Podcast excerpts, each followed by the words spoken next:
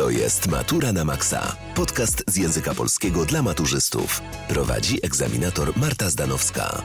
Notatki z bieżącego odcinka znajdziesz na www Wielka Powtórka Maturalna ukośnik Matura na Maxa. Witam Was, kochani, w kolejnej odsłonie podcastu. Dziś jak przygotować się do matury, jak zaplanować powtórki, co powtórzyć na 100 dni przed maturą. Przygotowywanie się do ważnych egzaminów to ogromny wysiłek intelektualny. Jest tylko jeden sposób nauki poprzez działanie. Tutaj żadna magia nie pomoże. Trzeba się po prostu zmotywować i nauczyć. Najlepsze są sprawdzone recepty. To, co działało dotychczas, będzie i teraz działało, tylko wymaga więcej samozaparcia, odpowiedzialności i konsekwencji. Ale nie wszystko naraz. Co za dużo, to niezdrowo. Siedzenie nad książką przez kilka godzin bez przerwy wiele nie da. Sposoby, jak powtórzyć materiał w krótkim czasie przed maturą. Po pierwsze, sprawdź, co już umiesz. Rozwiąż minimum trzy arkusze maturalne z każdego przedmiotu, z którego zdajesz maturę. Na ich podstawie wypisz wszystkie zagadnienia, tematy, które sprawiają ci trudność. Po drugie, opracuj harmonogram. Zaplanuj na kolejne dni konkretne tematy, które będziesz powtarzać. Musisz zmieścić się ze wszystkimi powtórkami maturalnymi w 100 dni. Nawet jeśli wydaje ci się, że jakiegoś zagadnienia nie będzie na maturze, nie lekceważ go, by nie spotkała cię niemiła niespodzianka. Konsekwentnie realizuj swój plan. Czytaj, powtarzaj materiał i rozwiązuj zadania codziennie. Codziennie przeglądaj notatki chociaż przez chwilę. To w głowie zostanie. Korzystaj z dostępnych ci sprawdzonych materiałów. Zapisuj konkrety. Po wykonaniu zadania, powtórzeniu konkretnych treści, Wykreśl je ze swojej listy. Dzięki temu łatwiej będzie ci zweryfikować, co już wykonałeś, a co jeszcze ci zostało.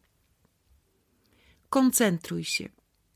Przyswajasz wiedzę nie wtedy, gdy siedzisz nad książką, ale gdy czytasz ją z pełną uwagą. Nie wystarczy więc cały wieczór siedzieć nad zadaniami, czasem lepiej uczyć się krócej, ale z pełną koncentracją. Rób sobie przerwy. Długie uczenie się jest nieefektywne. Nie bez powodu lekcja w szkole trwa 45 minut, ponieważ koncentrujemy uwagę głównie przez pierwsze 30 minut, przez następne 20 już słabiej, a jeszcze później możliwości percepcji spadają niemal do zera. Dlatego polecam, by uczyć się przez 20-30 minut, a następnie robić sobie przerwę 10-15 minutową. Pamiętaj, plan powtórek jest ważny. Przygotowywanie się do matury bez zaplanowanej nauki to jak pójście do supermarketu bez listy zakupów. Niby coś tam pamiętam, że mam kupić, a i tak wracam z milionem niepotrzebnych rzeczy. Z niezaplanowaną nauką jest tak samo. Ucząc się od przypadku do przypadku, trochę tego, trochę tamtego, na koniec okazuje się, że Twoja wiedza, owszem, została poszerzona, ale o informacje, które nijak mają się do wymagań matury. Dlatego poświęć czas na stworzenie sensownego planu nauki do matury, który pomoże Ci w dobrym przygotowaniu. Krok pierwszy i najważniejszy: powtórz lektury. Tematy na maturze odnoszą się do konkretnego tekstu. Prześleć materiał omawiany na lekcjach w szkole i przypomnij sobie wszystkie obowiązkowe lektury.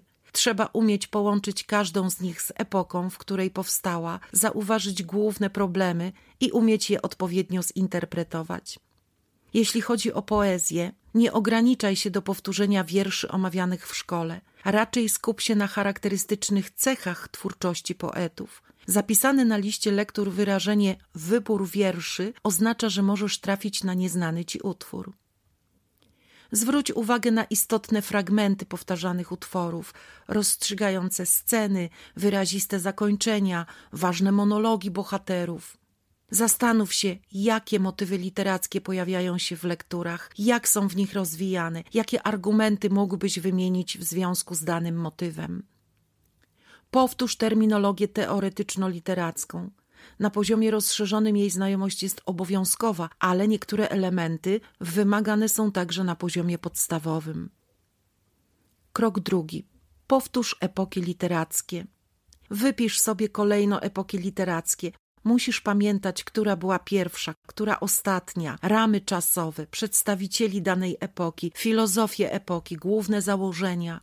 Dopisz do nich utwory, z którymi zetknąłeś się w szkole przez kilka lat nauki, które najlepiej znasz, rozumiesz. Zapisz konkretne tytuły tych tekstów. Krok trzeci. Poszerz konteksty. Pamiętaj, że odwołanie do kontekstów jest obowiązkowe. Odwołanie do odpowiednich kontekstów pozwala pogłębić interpretację, sprawia, że Twoja praca czy wypowiedź jest ciekawsza.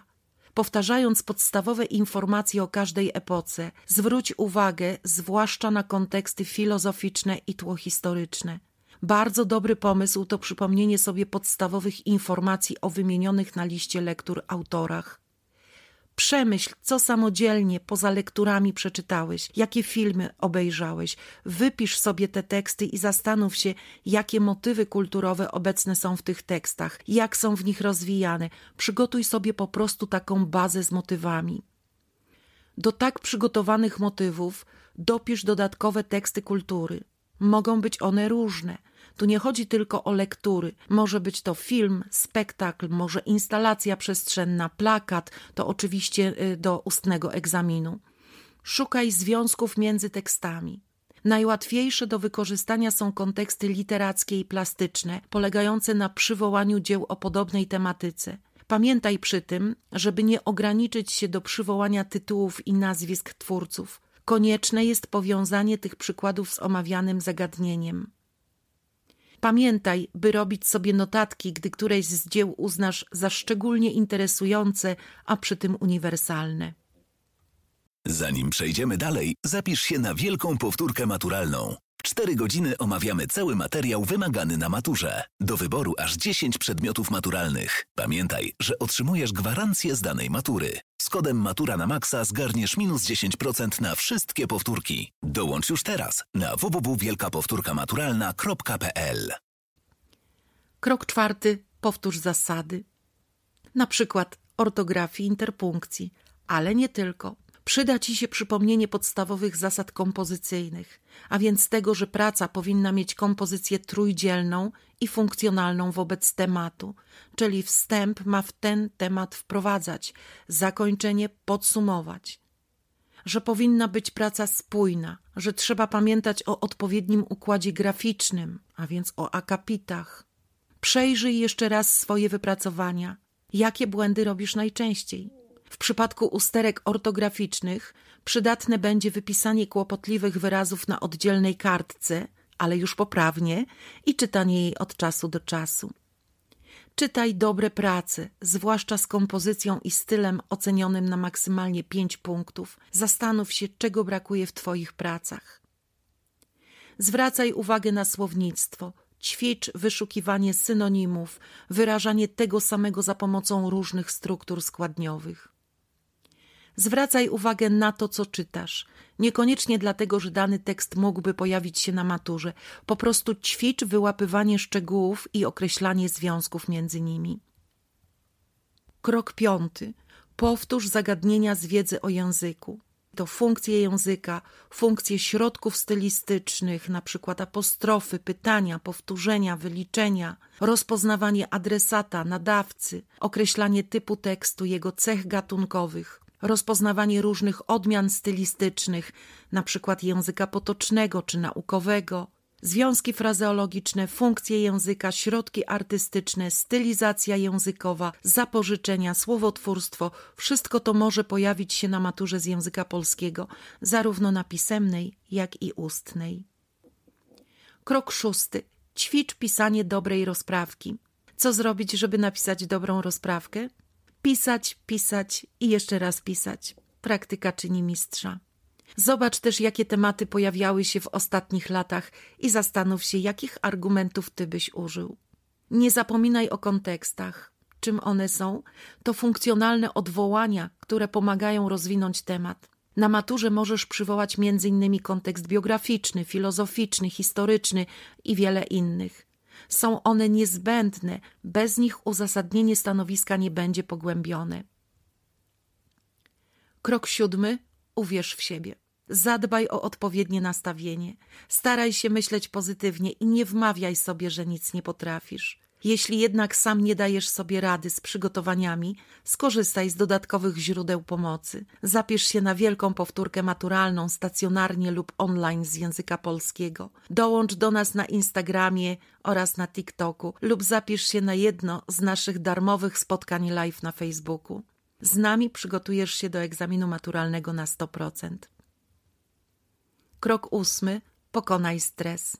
Stres jest naszym naturalnym mechanizmem obrony wobec zmieniających się warunków otoczenia. Matura to ważny moment w życiu, ale nawet jeśli nie wszystko pójdzie po Twojej myśli, to kula ziemska nadal będzie się kręcić. Warto pamiętać, że jest to tylko chwila w moim życiu, kolejny z wielu egzaminów. Spróbuj oswoić się z lękiem, odpowiadając sobie na pytania: czego się boję? Jeśli powtórzyłem rzetelnie materiał, to kto jak nie ja? Aby nerwy stały się motorem napędowym, musisz uświadomić sobie, że matura nie jest przeszkodą w Twoim życiu, ale próbą, przez którą każdy przechodzi i która leży również w zasięgu Twoich możliwości. Więcej informacji znajdziecie na naszej stronie internetowej wielkapowtórkamaturalna.pl oraz na Instagramie i TikToku. Tyle dzisiaj. Do usłyszenia w kolejnym odcinku podcastu, na który serdecznie Was zapraszam.